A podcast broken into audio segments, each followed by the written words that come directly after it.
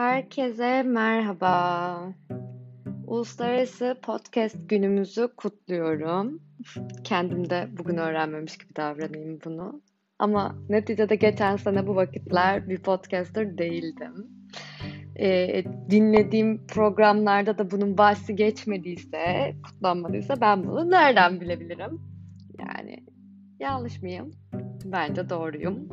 Deyip bugünkü bölümün konusunda böyle yapacağım galiba. Aslında yeni sezona başlayınca spontan şeyler yapma gibi bir fikrim yoktu ama olaylar böyle gelişti. Yani elimde şahane konuklar ve dolayısıyla bölümler var.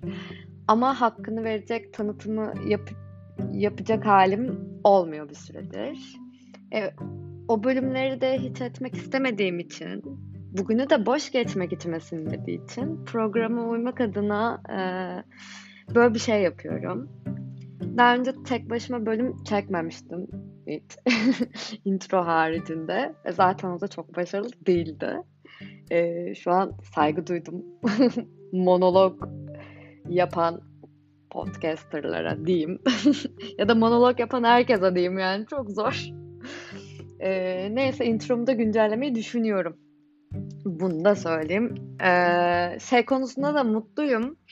Ee, sonbaharı böyle çekilir kılacak bir olay daha eklenmesi. Hani böyle bir günün e, Eylül ayı gibi bir hüzün deposunun son gününe konması hani güzel oldu. Tabii yani her sene bu sebeple sonbaharı heyecanla bekleyeceğim diye bir şey yok ama yani bir şeydir.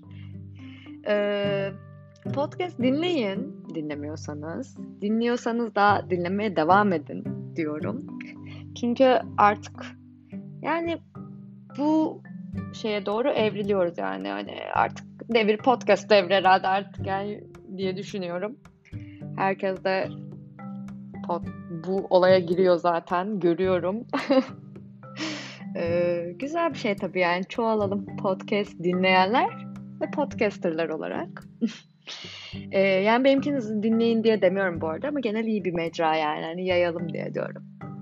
Ben de bu arada artık yabancı podcastler tüketmek konusunda kendimi hazır hissetmek istiyorum. Çünkü çok güzel içerikler var. İşte Office Ladies var mesela içim gidiyor ama e, şimdi anlayamam iyice bir şey kaçırırım falan diye başlayamıyorum bu olaya ama bu olayı bunu çözersem sonrasında e, tükettiğimden üretmek düsturuyla çıktığım bu yolda ben de İngilizce belki bazı bölümler yapabilirim çünkü orada da paylaşım yapacak çok kişi var diye düşünüyorum.